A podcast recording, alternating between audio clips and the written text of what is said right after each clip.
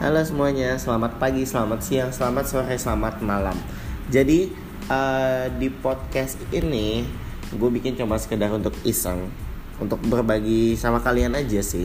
Jadi gue bakal bahas apa pun itu menurut pandangan pribadi gue, mulai dari kehidupan pribadi, pekerjaan, pertemanan, percintaan, dan lain sebagainya.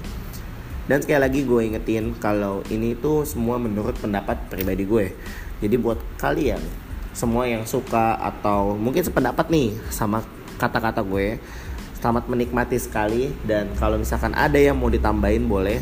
Tapi buat kalian yang kurang sependapat sama gue, kalian bisa komentar dan juga sharing pendapat pribadi kalian agar kita bisa saling bertukar pikiran. Thank you.